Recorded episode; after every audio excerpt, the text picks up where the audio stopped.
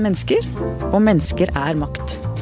Jeg vet ikke om noen av dagens politikere som har vært lenger i maktens innerste sirkler enn Martin Kolberg.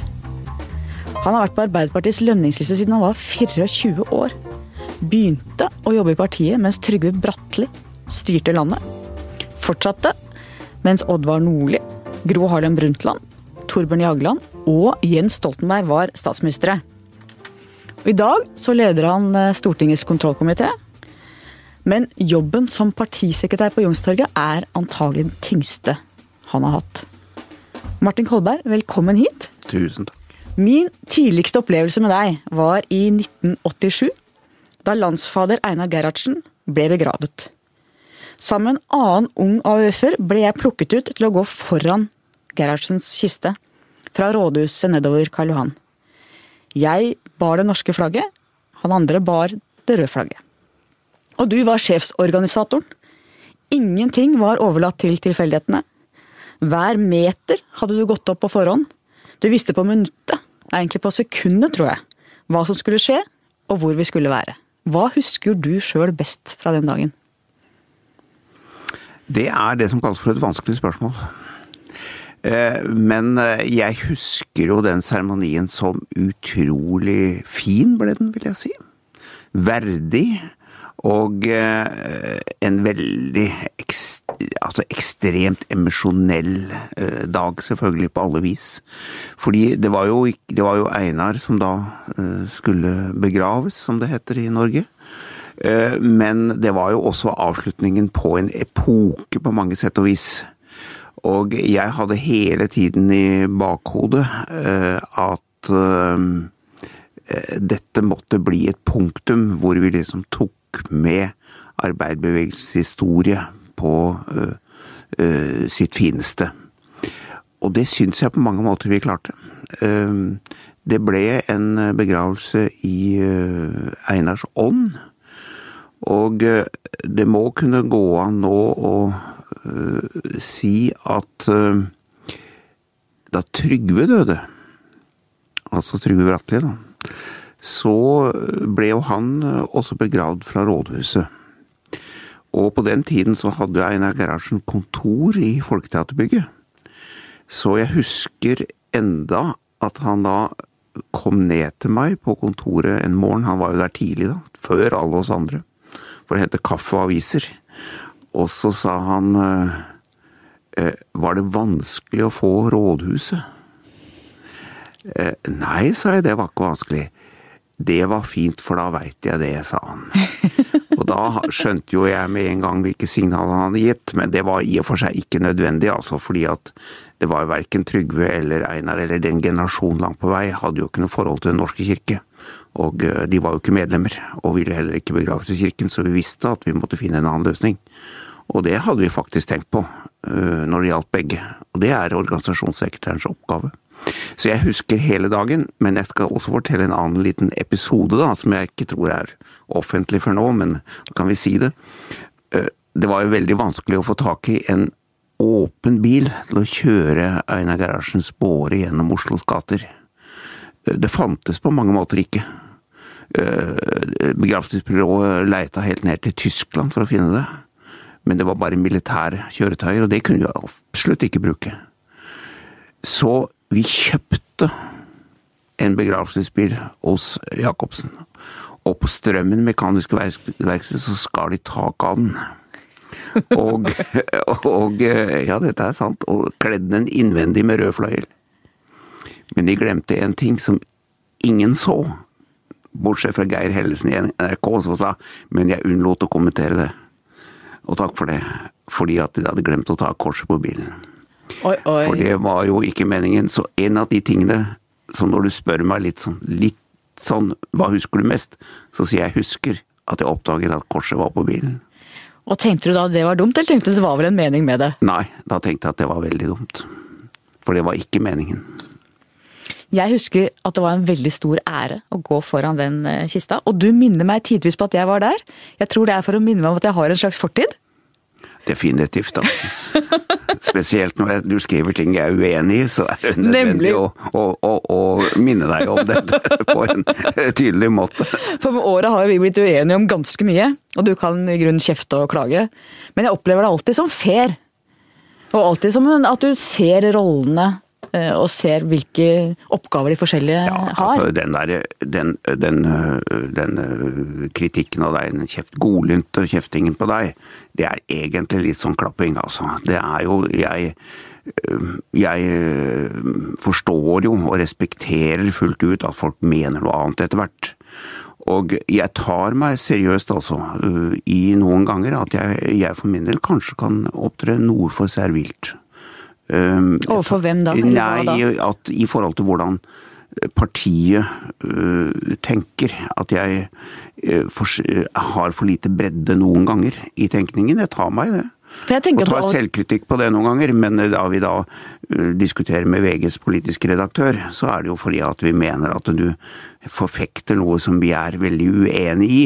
Men den småkjeftinga, den er bare vennskapelig ment. Det tror jeg du skjønner, og ellers hadde du ikke sagt det på det viset.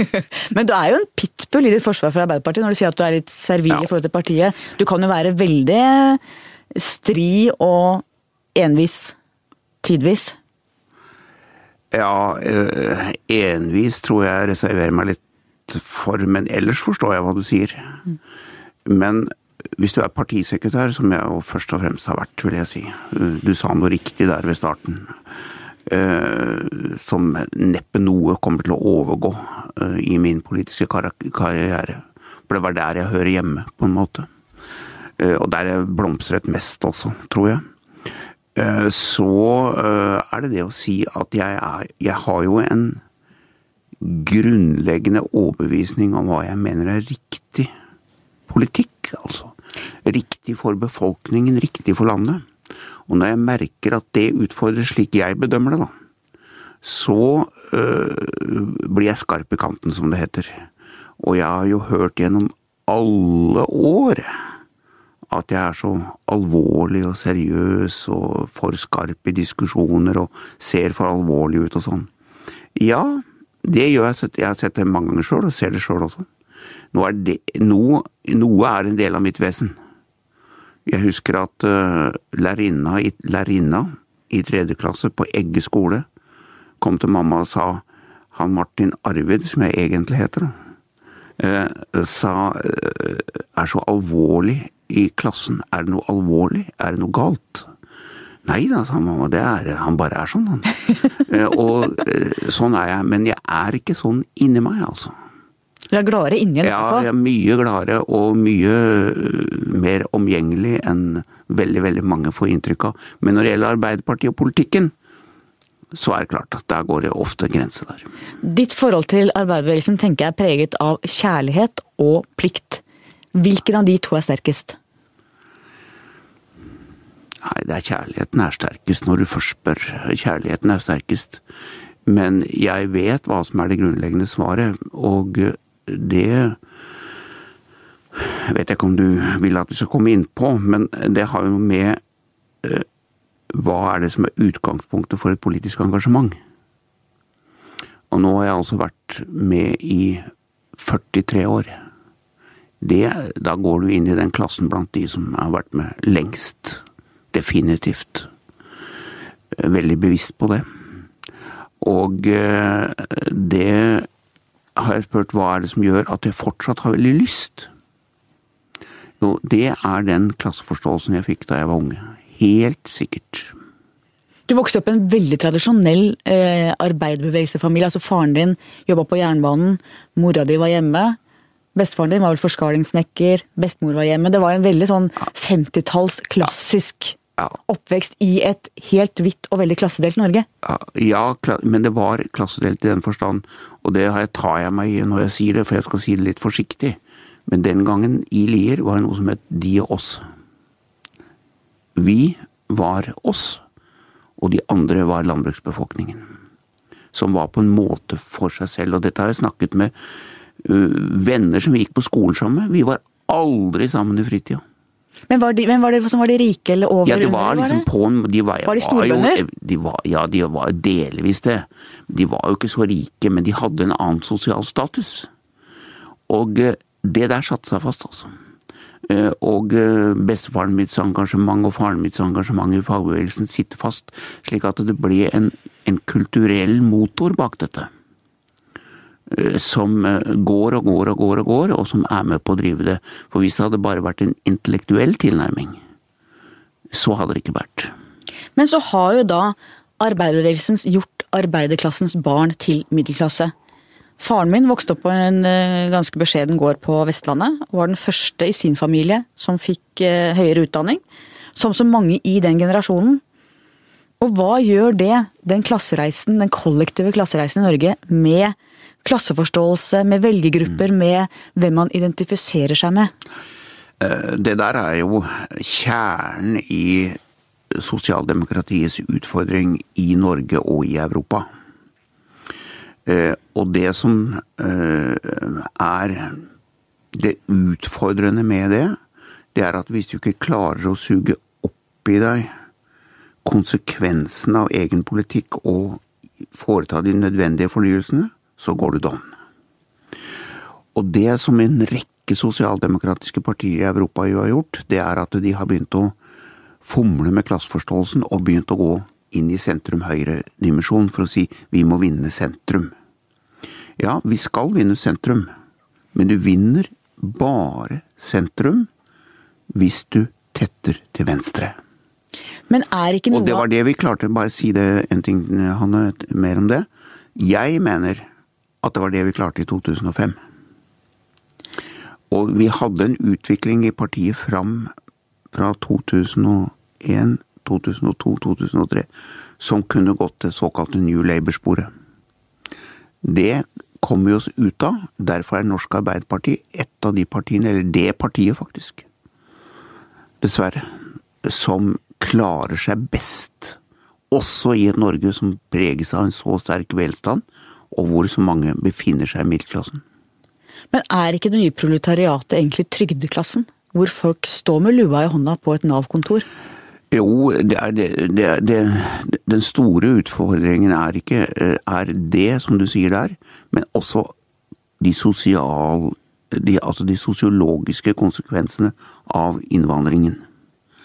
Altså de to konsekvensene i, i, i, i sammenheng med hverandre.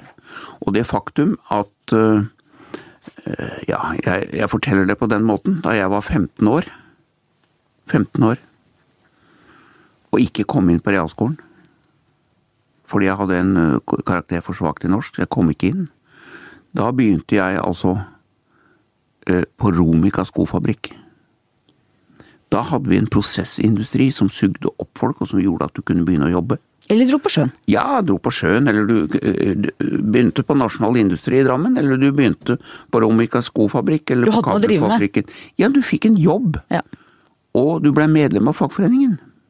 Og du kom inn i et sosialt miljø som gjorde deg voksen, tøft nok, men du fikk et liv. Det er jo helt forandret. Du må være, ha gode karakterer, du må ha en utdanning, du må ha en plass. Og det er klart at det, det har vært en nødvendig utvikling, på mange måter en riktig utvikling, men det skaper altså ikke bare økonomiske forskjeller, men det skaper altså sosiale og kulturelle forskjeller som bidrar til at du får utenformiljøer i velstandssamfunnene i Europa, også det norske, som gjør at sosialdemokratiet mister deler av sitt velgergrunnlag. Meget vanskelig å håndtere. Du representerer jo det gamle Arbeiderpartiet. Eh, har tida løpt fra dere? Altså, hvis du ser, som du snakker om, Jeg- i Europa? Jeg protesterer på det, altså. At jeg, jeg protesterer på premissen. Fordi det gamle Arbeiderpartiet det, det som plag- klassiske, da. Ja, jeg skjønte, skjønte egentlig hva du mente. Jeg ville bare liksom justere spørsmålet. Fordi jeg vil bare si at eh, de De er ikke lett å se, men klassemotsetningene er egentlig de nøyaktig samme. Forholdet mellom arbeid og kapital, som Karl Marx i sin skisserte, er grunnleggende sett de samme. Og det er, det er Vi har greid å etablere en god materiell utvikling i samfunnet. Takket være fordelingspolitikken og byggingen av velferdsstaten. Og det er, det er arbeiderbevegelsens ære. For vi har vært hovedarkitekten bak det. Men det er klart at det, eh, det klassiske er at du må forstå at den loven gjelder fortsatt. Det er derfor jeg protesterer på spørsmålet. Men det er jo andre grupper som er utenfor, som du var Ja, da, ikke sant? andre grupper, men vi representer, må representere det som Håkon Lie alltid sa. Den dagen vi ikke representerer de som sitter nederst ved bordet, så er vi ferdig. Et annet spørsmål. Høyrefolk vil jo si, folk på høyresida vil jo si at enhver modernisering av Arbeiderpartiet de siste tiårene har egentlig vært en høyredreining. Einar Førde, som åpna opp for eh, private barnehager. Torbjørn Jagland, som eh, åpnet med frihetsdebatten. ikke sant? Man kom etter etter hvert på nærradio, søndagsåpne butikker. Tidligere statsminister Jan P. Syse sa jo i sin tid eh, at eh, Arbeiderpartiet hadde stjålet klærne deres. Er det sånn at når dere moderniserer dere, så er det egentlig å gå åpne litt for høyresidas ideer? Jeg er helt sikker på at du kommer til å si nei til det, Martin. Høyresida sier jo alltid det. Men er det ikke litt sant? Nei. Eh, Ja, det er sant i den forstand at vi forandrer jo politikken for at den skal avstemmes ved den sosiale, økonomiske og kulturelle utvikling. Men jeg husker jo godt Det- landsmøtet i 87 var det vel da Einar Førde holdt den talen om at vi må modernisere oss. Hvor kjernepunktet var f.eks. barnehageutbygging. Vi klarer aldri å bygge ut nok barnehager hvis vi bare bruker offentlig sektor. Det var jo en veldig dreining i politikken som gikk i retning av det høyresiden hadde argumentert for Kjære. Hanne, Arbeiderpartiet har akseptert kapitalismen. Vi er ikke mot det kapitalistiske systemet, vi. Ikke etter 1927 iallfall. Nei. Og Arbeiderpartiet har jo aldri stått i veien for det private initiativet. Men du er enig i at det var et, en Ja, men nydreining? vi prøvde, ja, vi- men så har man klart å balansere mellom offentlig utbygging og den private sektoren. Og det er det, balansen mellom den, den er oppe til justering og diskusjon. Du sier, du sier øh, barnehagen, men vi kan snakke om Statoil, ikke sant, for eksempel. Vi kan snakke om andre deler av norsk samfunnsliv også. Det er jo ikke sånn at vi forbyr private å gå inn i, i verken skole eller for helse og omsorg. Vi forbyr det jo ikke. Selvfølgelig gjør vi ikke det. Men vi sørger for å ha et system som er slik at det ivaretar alle. Og vi forsøker å sette en grense for at disse systemene ikke skal sko seg på skattebetalernes bekostning. Det blåser jo høyresida i. De blåser jo øh, høyresida i fullstendig. Eh, De bryr seg jo ikke om det. Da snakker de ikke om skattebetalernes penger lenger, selv om det går milliarder ut eh, til firmaer som driver i privat sektor når det gjelder skole og omsorg. Da, da er det plutselig ikke skattebetalernes penger. Men er vi, forsøker, vi forsøker å skape en balanse i dette. Og det er vanskelig i en verden som blir stadig mer internasjonalisert, selvfølgelig. Men er ikke bildet også egentlig at det er si, de grå kompromissene i midten, hvor på et vis du kan si at både Høyre og Arbeiderpartiet befinner seg, at det er på en måte de grå, litt kjedelige kompromissene som nå må stå kampen mot ytterkreftene på begge sider? At vi lever i en verden Ja. som blir veldig polarisert, og hvor eh, Jeg så han eh, tyrkiske tidligere finansministeren som også var i FN, eh, som argumenterte veldig for at vi må få en eh, en gråere populisme. Et slags populistisk, ansvarlig svar på det vi ser fra ytterkreftene nå. Ser du Jo, det poenget? Og det minner meg om at jeg burde sagt noe annet øh, på ditt forrige spørsmål. Eh, Fordi det nye i politikken er jo at Høyre har ødelagt grunnlaget for det med å ta Frp inn i regjering. Men vi tar ikke den Frp-debatten nå. Nei, Det har du tatt så mange ganger før. Jeg bare sier at det skaper grunnlaget for kompromiss, gjør det veldig mye vanskeligere og mye dårligere. Og innenfor den økonomiske politikken, innenfor arbeidsmarkedspolitikken, innenfor viktige deler av kulturpolitikken og innenfor flyktning- og integreringspolitikken. Okay. Og det, nei, ja, men altså dette er jo dette, det, Når du snakker om behovet for altså Du vil ha meg til å si at vi har liksom gått imot høyresida, vi har liksom akseptert mye av deres premisser. På noen punkter er jo det sant. Og på noen punkter er det jo bra, for det er jo ikke svart-hvitt, noe av dette. Ingenting er svart-hvitt, og no, på noen punkter er det jo sant. Men det som er det fornyende, og som gjør det veldig vanskelig, det er Frp. Ok, Og- Men vi tar nei, ikke, vi tar ikke Frp. Du har tatt det på Dagsnytt 18 og Dagsrevyen. Nå går vi videre. Nå ser vi litt bakover i tid. Jaglands og din mor vokste opp ved siden av hverandre. Og dere var lekekamerater i gata. Det er ett år mellom dere i alder. Dere var forlovere for hverandre. Alle så dere to som de tetteste og næreste vennene i verden. Hva var det som skjedde? Nei, det som skjedde var at øh, øh, Vi hadde jo vært sammen da, jeg holdt på å si nesten daglig. 25 år i hvert fall, minst.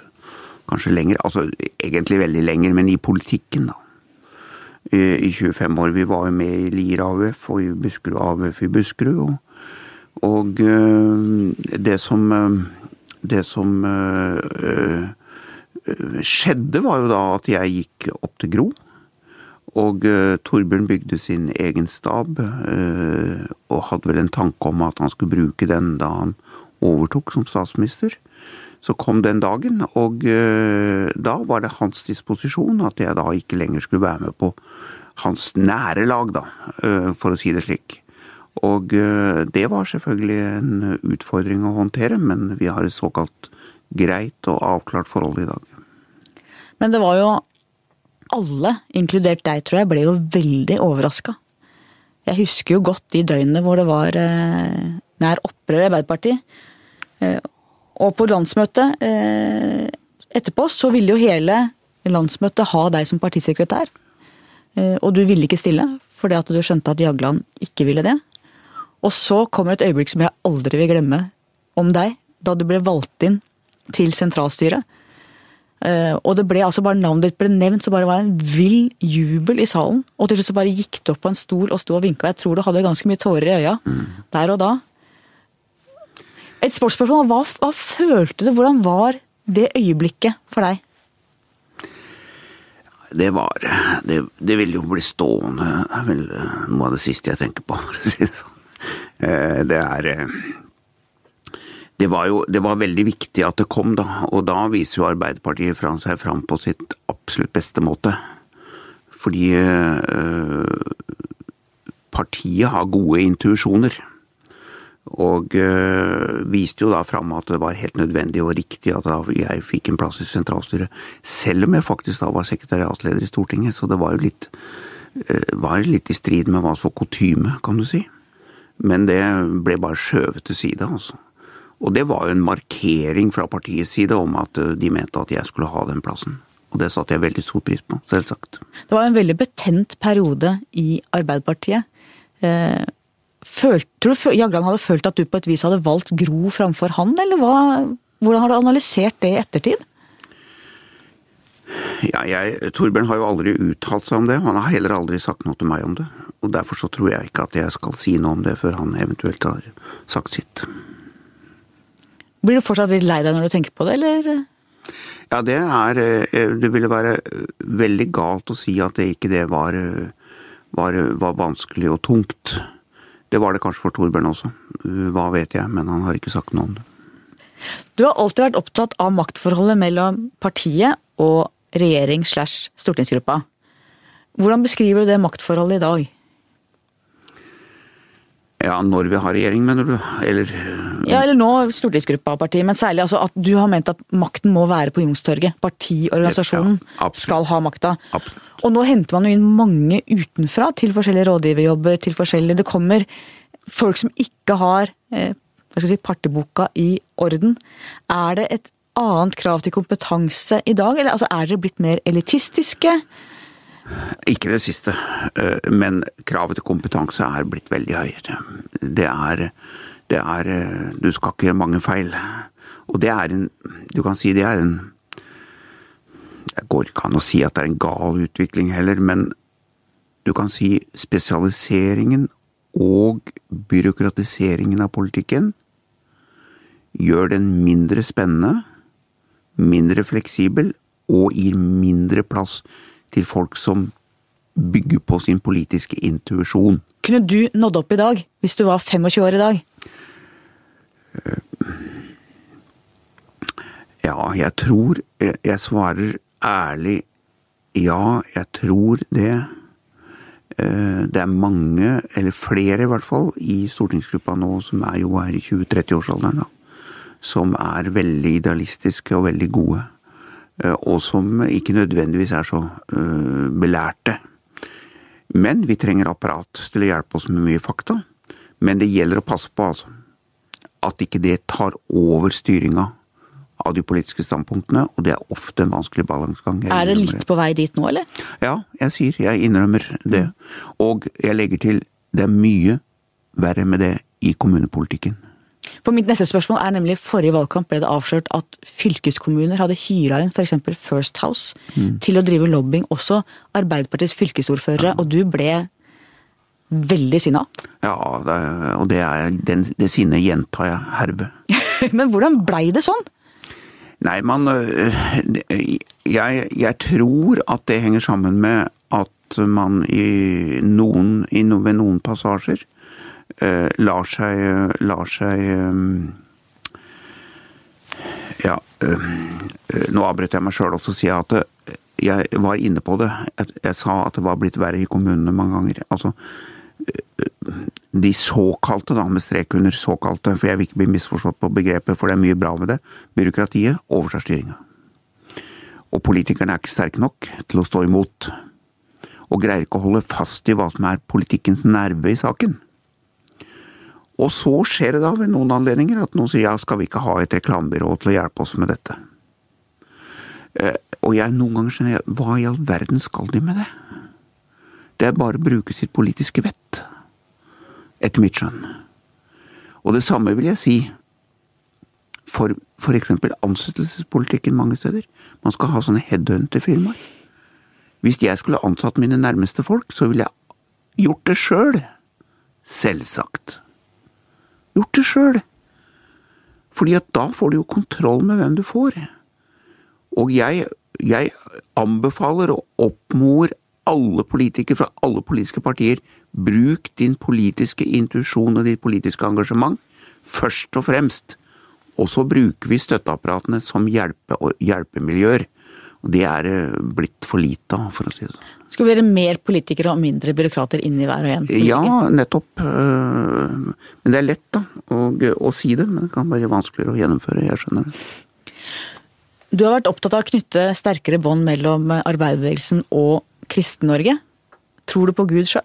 Nei. Aldri gjort. Og kommer aldri til å gjøre heller. Og vi meldte oss jo ut av statskirken eh, under Vietnamkrigen.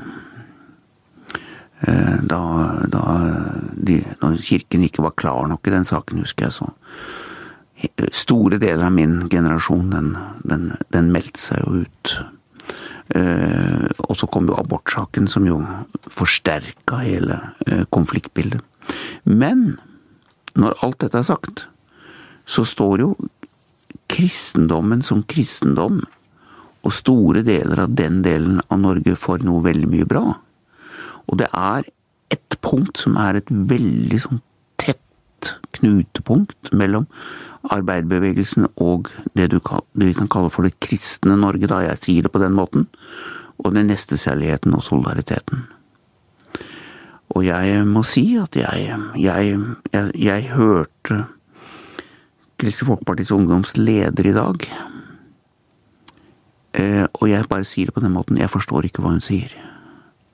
Jeg forstår ikke hvordan hun kan falle ned på at høyrepartiene står for de verdiene som løfter dem fram. Slik som Kristelig Folkeparti eh, gjør, i motstrid til det vi står for. Men da sier du på, Jeg forstår ikke det. Da sier du på en måte som ikke-troende selv at du har eh, den riktige forståelsen av hva som er eh, den kristne retningen av hvordan samfunnet skal se ut?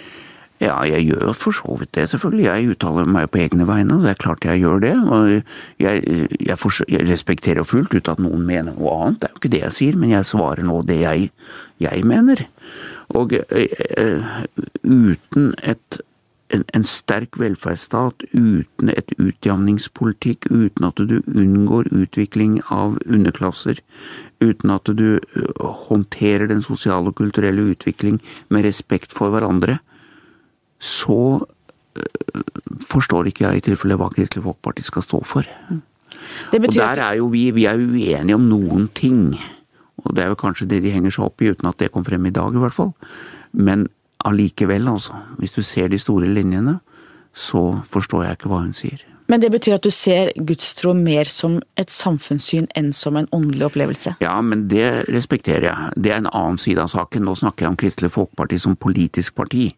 Eh, Det og at man har en, en, en, en gudstro, det respekterer jeg fullt ut. Og eh, Det norske Arbeiderpartiet har jo alltid stått for det, og vi har jo aktivt bidratt til at det norske samfunnet har vært slik organisert også. At det skulle være fullt ut rom for det. Så det er en annen side av saken, og det, det må på en måte ikke blandes. Over til livet sjøl, som det heter. Du gifta deg som 25-åring, ble stefar til to barn på åtte og ni år. Det er ganske stort ansvar for en ung mann. Og nå har du vært gift i mer enn 40 år, og jeg ser jo at du intervjuer som omtaler kona di med stor varme og kjærlighet. Hva er hemmeligheten? For å holde ut så lenge og Det er det sånn. hemmeligheten. Det er eh, For eh, oss begge to så tror jeg det er, det er eh, Jeg bruker to ord, jeg. Det er tålmodighet, må du ha. Og toleranse. Og så tilhører vi nok begge to, hun får uttale seg selv selvfølgelig, men eh, begge to tilhører en sosial kultur og oppvekst hvor eh, du tok ansvar. Og hvor eh, du ikke går fra ansvaret.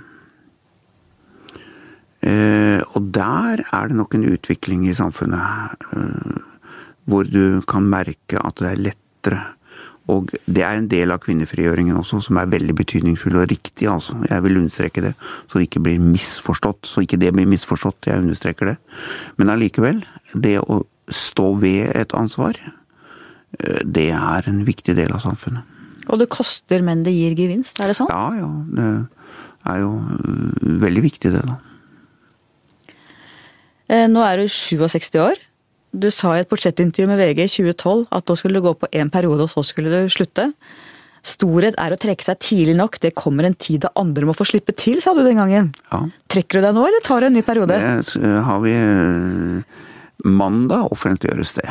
øh, Av nominasjonskomiteen i Buskerud Arbeiderparti, så ikke et ord fra meg om det. Men du varsla det jo egentlig i 2012, da, i VG. Ja, jeg, jeg husker faktisk ikke øh, det intervjuet, øh, men, øh, men Angrer du nå på den uttalelsen? det, I dette øyeblikk? Dette er lu- lurespørsmål blir ikke besvart. Uansett når det blir, da, hva skal du gjøre etter politikken? Det vet jeg ikke. Det er en veldig stor utfordring for meg uansett. Og det er eh, Det er jeg eh, Politikken og det, det politiske livet her inne, Youngstorgets vesen og kultur, Stortingets, regjeringens også til en viss grad, da.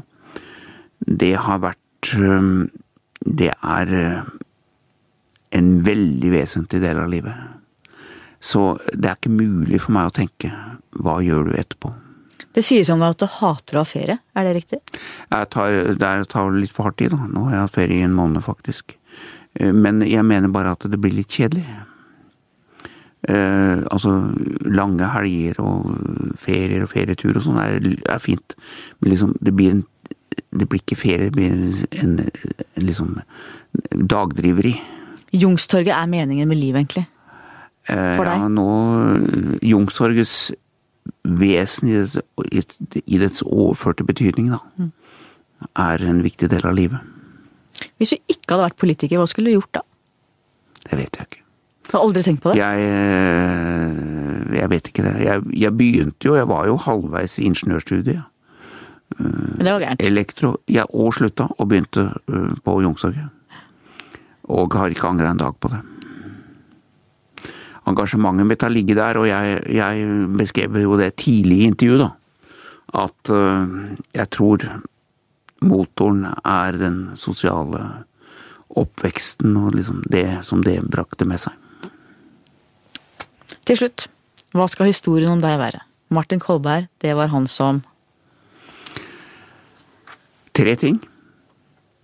Det var han som på sin måte bidro til at vi ikke ble New Labour. At vi greide å revitalisere det fagpolitiske samarbeidet. Og at vi endelig klarte å legge ned kampen mot SV. Fordi kampen mot venstresida er ikke Arbeiderpartiets oppgave. Ligger, kampen ligger alltid til høyre. Det ønsker jeg å bli husket for. Dere slukte jo SV, da. Nei, vi gjorde ikke det. Og det var i hvert fall ikke meninga og intensjonen. Tusen takk for at du kom hit. Takk til deg som hørte på. Takk til vår faste produsent Magne Antonsen. Vi høres neste uke.